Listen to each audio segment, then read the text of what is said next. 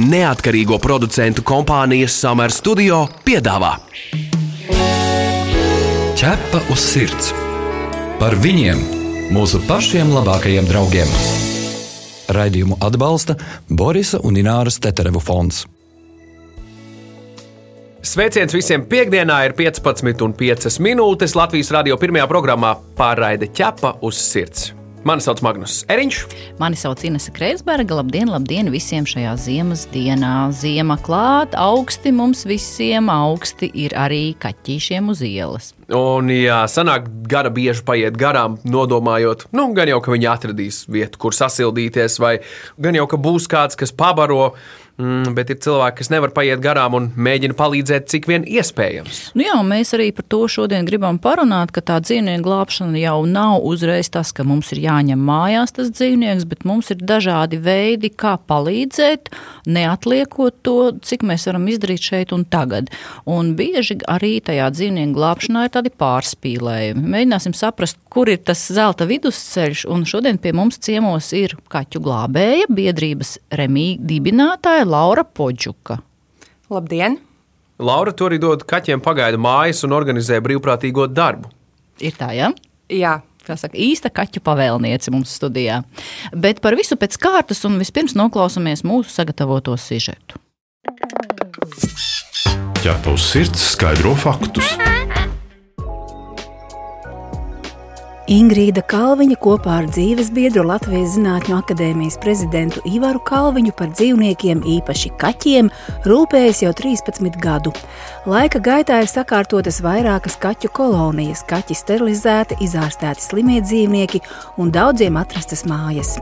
Šobrīd abu aprūpē ir kādi 18 ielu kaķi, kā arī trīs pašu mājas mīluļi. Pie savā paspārnē paņemtajām kaķu kolonijām tiek braukts katru dienu, stāsta Ingrīda Kalviņa. Silts ūdens, kvalitatīva pārtika, ieskaitot svaigu gaļu, arī sauso barību, nu, divreiz dienā, jā, no rīta un vakarā. Un ūdeni mainu un, un, un lai nesasalst uzmanu, un, un arī, arī mājiņās, teiksim, kur ir it kā nosacīti būt siltāk, e, liekam iekšā viņiem barību, lai nav tā, ka viss stāv uz ielas un ļoti ātri sasalst. Rūpējoties par kaķiem, Ingrīda ar vīru dara visu, lai kaķi ir veseli un pāēduši, bet apkārtējo māju iedzīvotāji nebūtu dusmīgi un neapmierināti par netīrību un nekārtību pagalmā vai uz ielas. Pirmām kārtām jau neizmētājam barību, kur pagadās. Mums katram dzīvniekam ir savs trauciņš. Mēs ieliekam barību trauciņā, noliekam dzīvniekiem, kas ir sanākuši uz zināmu laiku, pēc sev zinām pulkstenīšu, kad mēs nākam, viņi jau mūs gaida. Barību, kaķīts pēd, dzīvnieks pēd, un mēs šos trauciņus novācam.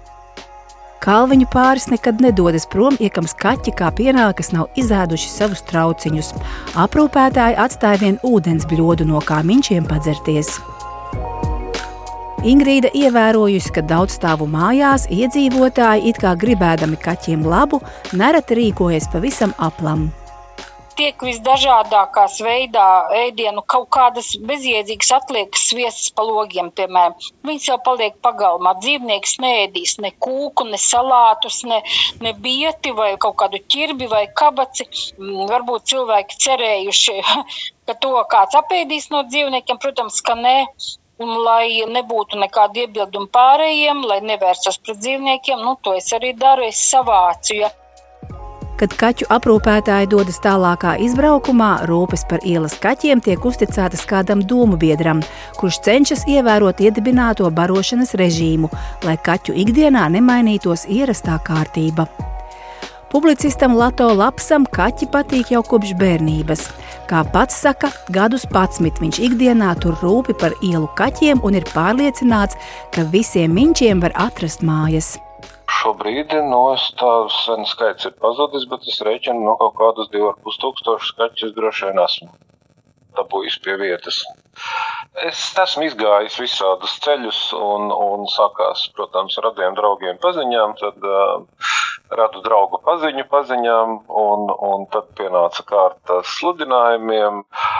Bet uh, pēdējos gados es esmu sapratis, ka man ir vienkāršāk uzturēt labus, sirsnīgus, arī daļai materiālus kontaktus ar āris veterinārijām klīnikām, kurās nu, es pa vienu galu ielaižu iekšā mazus nošņurkušus slimus, nu ne tikai mazus astaiņus, un, un pa otru galu jau nāk ārā savakcinēti, nosterilizēti un par sevi pašpārliecināti kaķi. Tagad mājas un jauni saimnieki nereti kaķiem atrodas vēl esot klīnikā, bet kamēr Lato ticis līdz šā brīža kārtībai, viņš atzīst, ka minku socializēšanas procesā nekas nav vienkāršs. Daži kaķi pie viņa nodzīvojuši pat pusgadu. Emocionāli visgrūtāk, ja nekāda modernā veterinārā medicīna nespēja glābt dzīvību slimiem dzīvniekiem. Savukārt, lai tiktu galā ar ielas kaķu mežonīgo raksturu, jābūt pacietībai. Lai gan Lato atzīst, ka pasen ir bijuši pāris gadījumi, kad kapitulējis un palaidis kaķi atpakaļ ielas dzīvē. Protams, tie visi kaķi ir, ir nodzīvojuši īsu mūžiņu un tā vai citādā veidā gājuši bojā. Un, kopš tā laika es stingri pieturos pie tā, ka atpakaļ es nevienu nelaižu. Kamēr kaķis ir maziņš, viņa, protams, var, nu, laikam nebūs labi tā teikt, bet, bet nu, tomēr laust nu, viņu pirmkārt teikšu, nepārtraukti mīcīt par rokām. Man ir bijis kaķis, kurš šausmīgi gribēja sakost visu, ko vien var, bet nu, tad viņam tikmēr bāz mutē piezo cimdu, kamēr kaķis saprot, ka, ka par viņu ir gājis un ka tas ir pilnīgi bezcerīgi un, un, un atmet šo niķi. Ķepa uz sirds jautā ekspertam. Jā, Laura, kāds tad īstenībā ir tas tavs kaķu glābšanas projekts Remī? Cik ilgi darbojas un kāds ir galvenais mērķis? Tad biedrība Remī darbojas šādā sastāvā kopš šī gada janvāra. Bet uh, kopumā es un uh, mani biedri uh, aktīvā uh, darbībā esam uh, teju piecus gadus. Darbojamies uh, vairākās jomās. Uh, viena no šīm ir uh, bezsaimnieku vai bez aprūpes palikušu kaķu ārstēšana, kas ir gan tādi smagāki gadījumi, gan arī viegli saslimšanas gadījumi vīrusi. Tad ir ielas kaķu sterilizācija, kas ir būtisks jautājums populācijas samazināšanai uz ielas, un, protams, arī ielas, ja bezsaimnieku kaķu dzīves apstākļu uzlabošana uz ielas. Jo ne katrs kaķis ir jāmēģina ieslodzīt, vai nu pagaidu mājās, vai mājās. Iela ir viņu mājas, un tad mums ir iespēja šo ielu un viņu māju padarīt maksimāli labu priekš šiem dzīvniekiem. Kur atrod tos kaķus, kam meklē mājas? Nu, teiksim, sēž pie mājas kaķis, ēd savu reņģīti, Un Hopkins viņu savāca un aizveda uz kaut kādu dzīvokli, ieliek viņu tagad mēģinās pieredzināt. Tā tas notiek. Kāda ir sistēma? Kā jau minēju iepriekš, ne katrs kaķis, kurš atrodas uz uh, ielas, jūt vajadzību vai ir uh, situācijā, ka viņš no šīs ielas ir jāizņem. Tātad, ja ielas kaķis, bezsaimnieku kaķis atrodas sakārtotā ielas kaķu kolonijā, kas ir vienalga vai tas ir pilsētvide vai lauku teritorija, kur eh, šie dzīvnieki ir eh, sterilizēti, kur eh, viņiem ir nodrošināta konkrēta vieta, kur viņi uzturas, vai tas ir uzstādīts kaķu mājas, vai varbūt pieejams pagrabs vai kāds šķūnis, un kur ir cilvēki, kuri šiem dzīvniekiem nodrošina barību katru dienu, šie dzīvnieki absolūti var palikt dzīvot šajā konkrētajā vietā.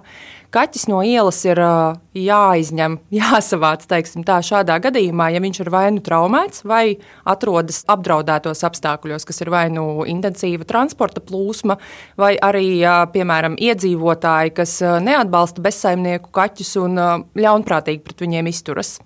Iedomājieties, ja situācija tāda, cilvēks visu dzīvi ir gribējis kaķi, nekad nav ticis pie kaķa, tagad iet mājās, redz, re, kur uz ielas kaķītis, mežonīts. Zīme, ņemšu viņu uz mājām. Kas var būt lielākās problēmas ar, ar šo kaķu un šo cilvēku turpmākajās dzīves gaitās, mm -hmm. ar mhm. ko viņš var saskarties? Pirmkārt, cilvēkam nevajadzētu pārvarēt savu varēšanu. Un, ja kaķis uz ielas šķietami draudzīgs un uh, mierīgs ir tajā brīdī, kad viņš atrodas savā ierastajā vidē, nenozīmē, ka viņš būs tieši tāds pats, kad viņam nezināms cilvēks mēģinās viņu ķert, gūstīt un uh, likt ķeram būrī vai vienkārši ņemt rokās un nest kaut kur prom. À, pēc tā jau var pateikt faktiski, ka viņš ir tomēr ielas kaķis, ja viņš izvairīsies no tās sagūstīšanas. Ja? Tā. Arī, bet arī pieņemsim pazudis mājas kaķis nezināmos apstākļos. Viņš arī var slēpties, var mukt un uzvesties arī mežonīgi. Jā, jā pamēģiniet manu kaķi ielikt ķeram būrī un pāri aizvest kaut kur. Kaķis tev pienāca klāt, tu viņu varēja mierīgi ielaist pie sevis. Jā, jā tas, tas citādāk, es tieši uz to būru reaģēju. Zini, kā...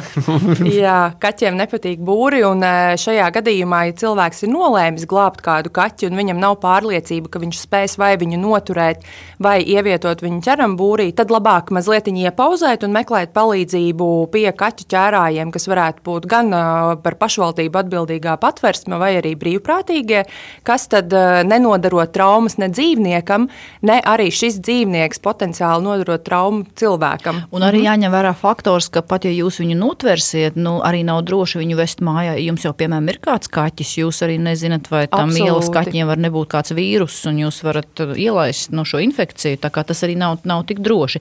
Bet tas, ko es gribēju pajautāt, Kā šobrīd tiek regulēta ielas kaķu aprūpe? Vai to uzrauga kāds, kurš tieši? Jo, nu, kā lai saka, tas sanāk tā tanti, kas reņģis izmet kaķiem pa logu un kaķi izvazātu pa perimetru, var darīt, ko grib, vai ne? Nu, tad gan tie, kas tos kaķus izdzen, gan tie, kas baro, var katrs darīt, kā grib, vai ne? Pēc burta likuma nedrīkst katrs darīt, kā grib bet eh, ņemot vērā iestāžu noslogotību, kas ir Latvijā, tātad Latvijā par eh, kopumā par eh, gan lolojumu dzīvnieku, gan bezsēmnieku dzīvnieku kaķu, arī suņu. Labturību atbild pārtikas veterinārais dienests, tad ņemot vērā šo noslogojumu iestādes, diemžēl nevienmēr viņiem ir iespēja nokontrolēt, kā tiek aprūpēta dzīvnieki, gan saimnieku, gan arī bezsaimnieku. Un, Bet tāpēc likums saka, var mhm. barot, nevar? Var barot, bezsaimnieku kaķus var barot. Viņi ir pilsētvidas sastāvdaļa, bet, protams, šiem dzīvniekiem ir jābūt sterilizētiem, lai ie, ierobežotu populāciju, kas jau tā Latvijā ir ārprātīgi lielos apmēros. Nu, lūk, un, jā, šī patvaļa un narratīva barotāju neizpratne par to, tad, kas dzīvniekam ir vajadzīgs un kā šis dzīvnieks var sadzīvot ar pārējiem iedzīvotājiem, kas varbūt ir mazāk orientēti uz bezsaimnieku dzīvnieku glābšanu vai aprūpēšanu, šīs izpratnes nav. Un, tādēļ bieži vien sabiedrībā, daļā sabiedrības rodas šīs negācijas par kaķu vecenēm un izsvaidītām reņģu galvām. Mūrāģam ķepa uz sirds. Man ir labs piemērs patiesībā par, par kaķu koloniju, par kuru es zinu. Un esmu redzējis, kā tas notiek, un arī zinu tanti kundzi, kur nodarbojas ar šo kaķīšu barošanu. Un tas diezgan interesanti, ir, jo kaķi ir sterilizēti. Ziedoņdārs viena no kaķu kolonijām, kur kundzei, vecai sirmai kundzītei, parkā cilvēki nāk klāt, dod naudu, lai nopērk labākās kvalitātes barību kaķīšiem. Un viena un tie kaķīši man ir aizdomas, ka ēd labāk nekā mēs visi šeit, šo, kas šobrīd atrodas studijā. Un, un jāsaka, zinu, ka šie kaķi ir sterilizēti, viņi dzīvo savās mājās. Vai tas ir ideālais piemērs? Un, ja, ja ir ideālais piemērs, kāds varētu būt ideālais piemērs tiem kaķiem, kas dzīvo uz ielas? Šis ir ļoti labs piemērs, un uh, es uh, zinu šo koloniju, un es ļoti priecājos, ka ir uh, cilvēki, kas atbalsta šo kundzi ar līdzekļiem barības iegādēji, kas lielam kaķu skaitam nav lēti. Tur ir kādi 11 kaķi, es pareizi atceros, kādi vismaz 12, varbūt jā, pat vairāk. Jā, vairākās paudzēs vairākās paudzēs, un uh, tas noteikti ir pirms sterilizācijas uh, radušies kaķi. Tas ir krietni vien labāk nekā tikai ideāls scenārijs, jo lielākā daļa kaķu koloniju, kas ir gan Rīgā, gan arī Pierīgā, un jo īpaši lauku reģionos, viņiem nav šī privilēģija un šie foršie cilvēki, kas nāk klāt un dod naudu barotājām barību iegādai. Tad no tāda labas situācijas viedokļa šeit viss ir perfekti sakārtots. Dzīvnieki ir sterilizēti, viņi uzturas konkrētā teritorijā, viņiem ir kur apmesties, kas ir šīs kaķu mājiņas, kas nozīmē, ka viņi neiet piemēram daudz dzīvokļu māju pagrabos, kas nereti var beigties ar varbūt netik labiem aromātiem un, un, un tam līdzīgām problēmām. Bet viņi reāli tie kaķi iet tajās mājās, ja viņas tur būvē. Jā, Tad, protams, ir vienmēr izņēmumi, ka kādam kaķim var nepatikt, ka viņam ir jāuzturas konkrēti mazā vienā istabiņā, kas ir mājiņās, ar kādu citu kaķu, jo arī kaķu kolonijās mēdz būt konflikti. Uh, bet lielākoties eh, konkrēti eh, vienā kaķu kolonijā sadzīvo tie kaķi savā starpā. Bet, lai īpaši tādiem cimperlīgākiem dzīvniekiem eh, nodrošinātu šo pajumti, tad kaķu māju izgatavotāji parasti arī šajā kaķu mājiņā ar starpsienām nodrošina vairākus kambarus kur tad vienā var būt viens, divi kaķi, kuri arī augstajā vai laikā vai nokrišņu laikā patveras. Kāpēc reņģis dot ir slikti un kā pareizi barot dielas kaķus? Visam ir jābūt līdzsvarā. Reņģe ik pa laikam tas nav slikti, bet uh, tikai reņģe nevar būt pamatbarība dzīvniekam, jo tāpat kā jebkurai dzīvai būtnei, šim racionam ir jābūt sabalansētam. Uh, Un kaķis pēc savas būtības viņš nav zivju ēdājs. Viņš ir, viņam ir nepieciešami gan proteīni, gan graudaugi, gan faktiski viss, ko viņš var dabūt apēdot peli, piemēram, kurai vēderā ir graudi. Un, uh, bieži vien uh, šīs barotājas neizvērtē, ka patiesībā tās reņģu iegādes nemaz nav lētākas salīdzinoši ar uh, barību, ko var iegādāties uh, zoobāzēs šiem dzīvniekiem plus kvalitatīva sausā barība, ko šiem kaķiem tad barotāji varētu dot, neradītu to, teiksim tā, haosu un nekārtības, ko rada reņģes, un kas piesaista, protams, kājas un citus putnus un vārnas, kas tad rada vēl lielākas negācijas cilvēkos. Mēs, starp citu, arī vairāk mums ir klausītāji arī jautājuši par to, kā var atšķirt, uh, kurš, kurš kaķis ir sterilizēts un kurš nav. Un, principā, ja tā ir ielu kaķu kolonija un sterilizēts, nu, tad uh, tas pazīme būs tā, ka būs tāda nogriezta austiņa viena tā kaķim. Pēc tā var pateikt, ka kaķis ir sterilizēts. Pavisam, pavisam neliela tāda maza iezīmīta. Jā. Nu, atkarīgs no vetārsta, cik mm. nu, tur viņš nošņāpa. Cits tā smuki uzstājas to, to griezumu vietu, cits nošņāpa pusausi. Nu, diemžēl to ne, nekad nevar paredzēt. Tu esi mans draugs, ķepus sirds. Atgādinām, ka pie mums šodien studijā ir Laura Podžuka, un mēs runājam par ielas kaķu glābšanu. Un, ja jums šī radio pārraide ir tik ļoti ieinteresējusi, ka jūs vēlaties noklausīties arī visas pārējās, tās, protams, ir atrodamas populārākajos straumēšanas servisos, podkāstu formā, kā arī Latvijas radio arhīvā. Ķerpaus sirds diskutē. Runājot par palīdzēšanu. Nu, ja nevaram noskatīties uz tiem ielas kaķīšiem, kuri ziemā meklē vietu, kur sasildīties, nu visi, kā jau mēs labi zinām, tomēr grib mājas, arī, arī tas ielas mīnus. Taču kā mēs varam palīdzēt viņiem, kur mēs viņiem varam palīdzēt? Kas ir tas, ko mēs varam darīt? Tad tie palīdzības veidi ir ļoti dažādi, kā mēs katrs varam iesaistīties. Pirmais solis, protams, ir tas, ka mēs nepējam garām ar aizvērtām acīm, ka kāds sēž apsnidzis vai lietu bez ēdiena. Tad izlaidīsim to posmu, pieņemsim, ka visi kaķi ir sterilizēti un šis jautājums ir sakārtots. Lai nodrošinātu dzīvniekam pajumti, tad uh, tur būs vajadzīga paša cilvēka iniciatīva un visticamāk arī palīdzības meklēšana brīvprātīgo vidū, jeb biedrību vidū, jo nav tāda budžeta ne pašvaldībai, ne valstī, kas paredzētu šādu bezsaimnieku kaķu mājiņu uzstādīšanu. Tas ir uh, katra paša iniciatīva. Ir vairāki forši uzņēmumi Latvijā, kas darbojas tieši ar šo kaķu māju izgatavošanu. Un tāds uh, klasisks process uh, ir tāds, ka palīdzība tiek meklēta. Facebook vai kādā citā sociālajā tīklā, kur šis te iniciators, kurš grib palīdzēt un izvietot kaķu māju, uzrunā savus draugus vai jau plašāk arī sabiedrību ar lūgumu ziedot konkrētas kaķu mājiņas izbūvēi. Šis noteikti būtu tāds labākais risinājums, arī pilsētvidēji vispiemērotākais, lai mēs uh, neaizkrautu visus iespējamos pagalmus ar uh, vecu atvilkņu konstrukcijām un kartonu kastēm, kas izšķīst pie pirmā lietus un uh, rada gana lielas nekārtības. Nu, tomēr, varbūt nu, pie manas mājas nāk kāds varbūt konkrēts kaķītis jau ne pirmo gadu, un es viņu baroju, bet es redzu, ka viņš īsti rokās negrib doties. Es par viņu piedomāju vien vairāk un vairāk. Man negribētos, ka viņš nokļūst zem auto un tā, un visiem tomēr gribētos mājas. Varbūt kaut kā var mēģināt, nu nezinu, varbūt ir labie piemēri, kad ielas mežonīts kļūst par īstu pūkaķi. Nu, nezinu, kā, nu ir taču kaut kādi piemēri, ko darīt, kā cilvēkiem saprast. Tā līdz galam saprast, vai mežonis būs draugs vai nebūs draugs, to var saprast tikai pēc tam, kad viņš kādu laiku ir pavadījis eh, pagaidu mājās vai varbūt jau pie, pie savas potenciāli jaunās ģimenes.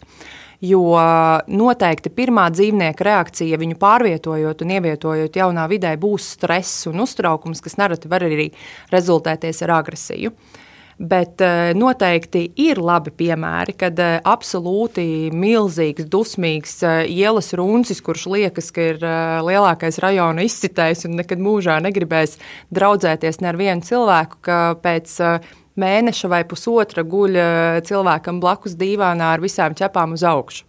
Tev Arī tāds piemērs bijis pašai?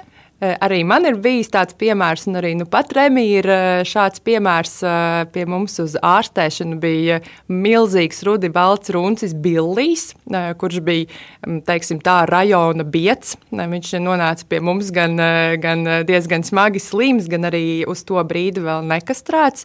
Un, nu, pat vēl vakar saņēmām ziņu no mājām, kur Billijs devās pēc izārstēšanas un pēc kastrācijas. Un tur tieši tas stāsts ir, ka viņš guļ uz muguras visas ķepas augšā un ir absolūti omulības iemiesojums. Kas patiesībā ir ļoti pārsteidzoši. Es, ko es esmu dzirdējis par, par ielas kaķiem? Šeit ir mežonīšiem. Man stāstu, starp citu. Vai, arī, arī, Rajona biets. Rajona biets. es esmu dzirdējis to, ka, jo kaķis ir jaunāks un pēc iespējas ātrāk ir socializēts, tad tā garantija, ka, ka, ka šis kaķis no ielas kļūs par tādu pamatīgu mājas kaķi, nu, tur principā tur, tur viss ir skaidrs, ka Jā, tā arī notiks. Bet tas nemaz daudziem nav skaidrs, tāpēc, ka ir cilvēki, kuri paņem pavisam pavisam mazus kaķēnus, un viņi ļauj viņiem, nu, lai adaptējās. Viņi vēl ir bailīgi. Pirmais mēnesis, otrais mēnesis, trešais mēnesis. Un, un nekas, kaķis tā ne? arī nenāk klāt. Un tad varbūt mēs varētu cilvēkiem vēlreiz pateikt, ja jūs gribat mīļu kaķi, kas jums tomēr nāk klāt un jūs viņu varat klaudīt. Tad sanāk tā, ka no pašas bērnības viņš ir bezmaz sākumā ar varu jāņem glaudīt. Vai es pareizi saprotu? E, jā, tad e, mežonīgi kaķēni vislabāk e, adapcijai un pielāgojas cilvēkam laika posmā līdz trim mēnešiem, līdz trīs mēnešu vecumam. Tāpēc arī, eh, piemēram, mēs vai jebkura cita biedrība ja savā aprūpē uzņem pavisam mazus kaķēntiņus, kas ir mēnesis vai pusotrs, vienalga ar vai bez mammas, ir jārēķinās, ka šiem kaķēniem noteikti būs jāstrādā. Viņus nevar ielikt stacionārajā būrī vai, vai klīnikā aizmirst un cerēt uz eh, brīnumu, ka viņi pēkšņi kļūs mīļi, ja, jo viņi ir pēduši un siltumā. Ir tieši tā arī, kā jūs sakat, ka ar kaķi ir jāstrādā, viņš ir jāņem rokā, ar viņu ir jākomunicē. Nereti varbūt tas uzreiz nav ņemšana rokā, jo var dabūt eh, pamatīgi daudz eh, nagus eh, pirkstos, bet kaķim ir jājūt pieskāriens, un tad pirmais pieskāriens var būt kaut vai ar spēļu mantiņu, kas ir šis spēļu kociņš, kas attiecīgi tālāk jau pāriet rokas pieskārienā. Tad tāda Es atceros, eh, man pirmā pati pieredze ar šādiem maziem mežonēniem bija vienā no mūsu Rīgas patversmēm, kur eh, ļoti, ļoti pieredzējusi eh, darbiniece teica, ka šādi kaķēni ir jāiemīca. Jāiemīca, lūk tā. Runājot par lietu, par ko joprojām cilvēki iespējams lauž šķēpus, vai tev ir informācija, kā ir ar izpratni par kaķu sterilizāciju? Tā ir mainījusies uz pozitīvo pusi vai tomēr ne? Ir mainījusies, mainās, bet ļoti lēni. Ja mēs atskatāmies vēl desmit gadus senā pagātnē, lielākā daļa dzīvnieku nebija sterilizēti. Šobrīd joprojām mēs saskaramies ar uh, Eh, cilvēkiem, kuri nevēlas veikt eh, ne savu mājas eh, kaķu sterilizāciju, ne arī piekrist viņiem piedarošās, piemēram, ielas kaķu kolonijas sterilizācijai, izmantojot tieši tos pašus argumentus, ko jūs minējāt, ka kaķis tad neķer žurkas, vai arī nu, viņš taču man ir tikai mājās, un viņš nekur neiet, un man nebūs kaķēnu. Jā, bet tur taču ir daudz, daudz, daudz sliktāk, kas nāk līdzās. Piemēram, ja mājās ir nesterilizēts runcis, Viņš taču iezīmē Jā. teritoriju. Iezīmē teritoriju tas ir agresivitāte, un tad vēl tā klaigāšana, kad viņš šeit meklēties, kad viņš šeit saukt savu potenciālo partneri. Tas mm. nav izturams. Jā, pagaidi, tu gribi teikt, ka tas pat nevis ir finansiālais jautājums, bet tā kā cilvēka nu, tāds pārliecības. Ja? Jā, tas nav tikai finansiālais jautājums, protams, arī tas, jo sterilizācija un kastrācija nav lēta Latvijā. Protams, atkarībā tas ir no klīnikas un no reģiona, bet uh, nereti lielāka problēma ir šī pārliecība. Par nesterilizāciju. Citu, jā, no kurienes radās tie mīti, kad kaķi čurā kurpēs un kur tik vēl nē. Nu, normāli kaķim nav jāčurā kurpēs, un viņi to nekad nedara. Tad ir gadījums, vai nu tam dzīvniekam ir problēmas ar veselību, vai viņš ir tiešām nekastrēts, un tādā veidā viņš iezīmē teritoriju. Un vēlas pievērst uzmanību, jo iespējams ir kaut kas, kaut kas īpašs tavos apavos. Nu, tur, tur var būt diezgan daudz, vai ne? Uh, daudz mainīgo. Bet uh, par to cenu es nedaudz nošokējos. Tas, tā, tā, ir, tā ir dārga cena. Es, es, es neatceros, cik es samaksāju toreiz, tad, kad es savu kaķu veidu sterilizēt. Cik Mhm. maksā sterilizēt vai kastrēt kaķi? Tas ir, protams, atkarīgs no klīnikām Bet un pa reģioniem, bet uh, ir jārēķinās. Uh, runcim tas, protams, būs mazliet lētāk, bet ir jārēķinās uh, virs 20 eiro. Parasti tas ir plus mīnus 30 eiro. Kaķenītei, par cik tā ir uh, nopietnāka iejaukšanās un operācija, tas uh, parasti ir uh, 40 eiro un uz augšu. Es tomēr par tām pagaidu mājām kaķiem gribu pajautāt, kur cilvēkam vērsties, ja tā kā gribās. Un kas ir šie cilvēki, kuri grib pagaidu kaķi? Tie ir tie, kuri nezina, vai gatavi savam kaķim, nav varbūt pārdzīvojuši teiksim, mīluļu zaudējumu. Viņi tā kā nevar tā teikt, jā, pilnībā tas kā pagaidu variants. Kas ir šie cilvēki? Gandrīz visus jau uzskaitījāt, uh, absolūti pareizi. Tad uh, vairāk gan biedrības, ja brīvprātīgie meklē šī, šos pagaidu ģimenes un pagaidu mājas. Parasti tas ir tieši saistīts ar to, ka dzīvniekam ir nepieciešams kaut kur atkopties, piemēram, pēc ilgstošas ārstēšanās klīnikā. Vai arī, kur dzīvnieku vajag socializēt, tur gan mēs tur tādus uzņēmīgākus un drosmīgākus cilvēkus parasti uzrunājam, bet arī bieži vien uh, nāk šie te, uh, cilvēki pie mums uh, ar gatavību būt pagaidmājas, ja viņi grib saprast, vai viņi ir gatavi vispār savam kaķim. Tad viņam ir iespēja izdarīt labu darbu, saprast, vai viņš grib kaķi, plus atbalstīt kādu dzīvnieku viņa ceļā uz jaunajām mājām. Ir arī tādi mazliet skumīgi stāsti, kur uh, cilvēks nav gatavs tādam savam pavisam mīlulim, uh, jo viņš vēl nespēja pārdzīvot sava iepriekšējā drauga uh, nāvi, bet tostarp viņš ir gatavs kādam palīdzēt un, uh, un, un uh, kādu mīļot. Bet cik procentuāli no tiem, kas paņēmuši pagaidu mājās, to kaķi arī atstāja sev? Nu, plus mīnus. Mazliet mazāk kā puse, jo katrs brīvprātīgais un katra biedrība jau arī saprot, ja tā pagaidu māja atstās vēl vienu savu kaķi, ka visticamāk mēs brīnišķīgas pagaidu mājas pazaudēsim. Cik tev pašai šobrīd ir pašas kaķi? Nu jau četri. Un limits ir sasniegts, jeb tu neko vēl nevari pateikt. Um, es uh, par limitu sasniegšanu jau teicu pirms diviem kaķiem, bet uh, mans uh, limits jau gandrīz lūza atkal pāris mēnešus atpakaļ, kad man uz izbarošanu bija viens mazs kaķēntiņš, uh, kuru uz adopciju vedu ar domām par visām iespējamajām lietām, kas varētu notikt, lai es viņu neatdotu adopcijai. Bet nekad nevar zināt. Arī šie četri kaķi man nebija plānoti. Trīs no viņiem man ir uh, pagaidu māju kaķi, kas ir tapuši par maniem. Cik ilgu laiku ikdienā tu velti saviem kaķiem? Nu, ar viņiem ir jāparunājas, ir jāpaspēlējas, jāpaķemē. Tad, tad tas viss jāpareizina ar četri. Kā ir? Mm -hmm. Pašai laiks atliek sev. Mēģinu visu izbalansēt, protams, bet man šķiet tas diezgan tipisks biedrību brīvprātīgo stāsts, ka nereti savu, savi kaķi ir vismazāk aprūpēti, jo ir jāaprūpē tie, kas ir pagaidu mājās vai, vai klīnikās. Bet uh, mani kaķi nav tādi īpaši prasīgi, teiksim, tā no uzmanības viedokļa, jo viņi visi ir diezgan neatkarīgi. Tā kā no tāda nu, tā laik, laikā, skatoties tāds kvalitatīvs laiks, ko es ar to dzīvnieku pavadu kopā, tas ir nu, noteikti vairāk ir kā stunda, bet perifērijā jau viņi visi ir visu laiku, par cik arī tagad mēs visi strādājam no mājām.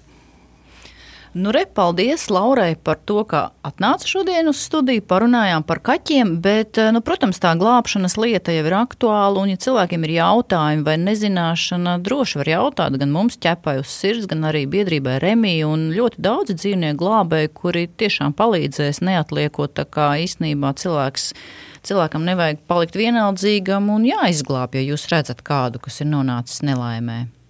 Tieši tā, es varu tikai un vienīgi pievienoties šim. Paldies par uh, sarunu. Bija interesanti. Es ceru, ka dzirdīgas ausis arī saklausīja to, ko mēs runājām. Jā, un Ziemassvētki tuvojas, un arī ir iespēja atbalstīt finansiāli dzīvnieku glābējus, tā kā arī to var droši darīt. Arī tā ir dzīvnieku glābšana. Visur kopā ķepus sirds. Jā, Magnus, bet ko mēs dzirdēsim nākamajā raidījumā? Nākamajā raidījumā noskaidrosim, vai kaķi tiešām jūt āderes. Un vai dzīvnieki mūs arī var izārstēt? Runāsim arī par to, kā ziemas saulgriežus varam pavadīt kopā ar saviem mājdzīvniekiem. Bet par to visu pēc nedēļas. Šajā nedēļā tas ir arī viss. Mani sauc Inese Kreitsberga. Mani sauc Magnus Eriņš. Raidījumu veido neatkarīgo producentu kompānija Summer Studio. Visu labu! Atā! Ķepa uz sirds! Informatīvi izglītojoši raidījums par dzīvnieku pasauli un cilvēkiem tajā. Raidījumu atbalsta Borisa un Ināras Teterevu fonds.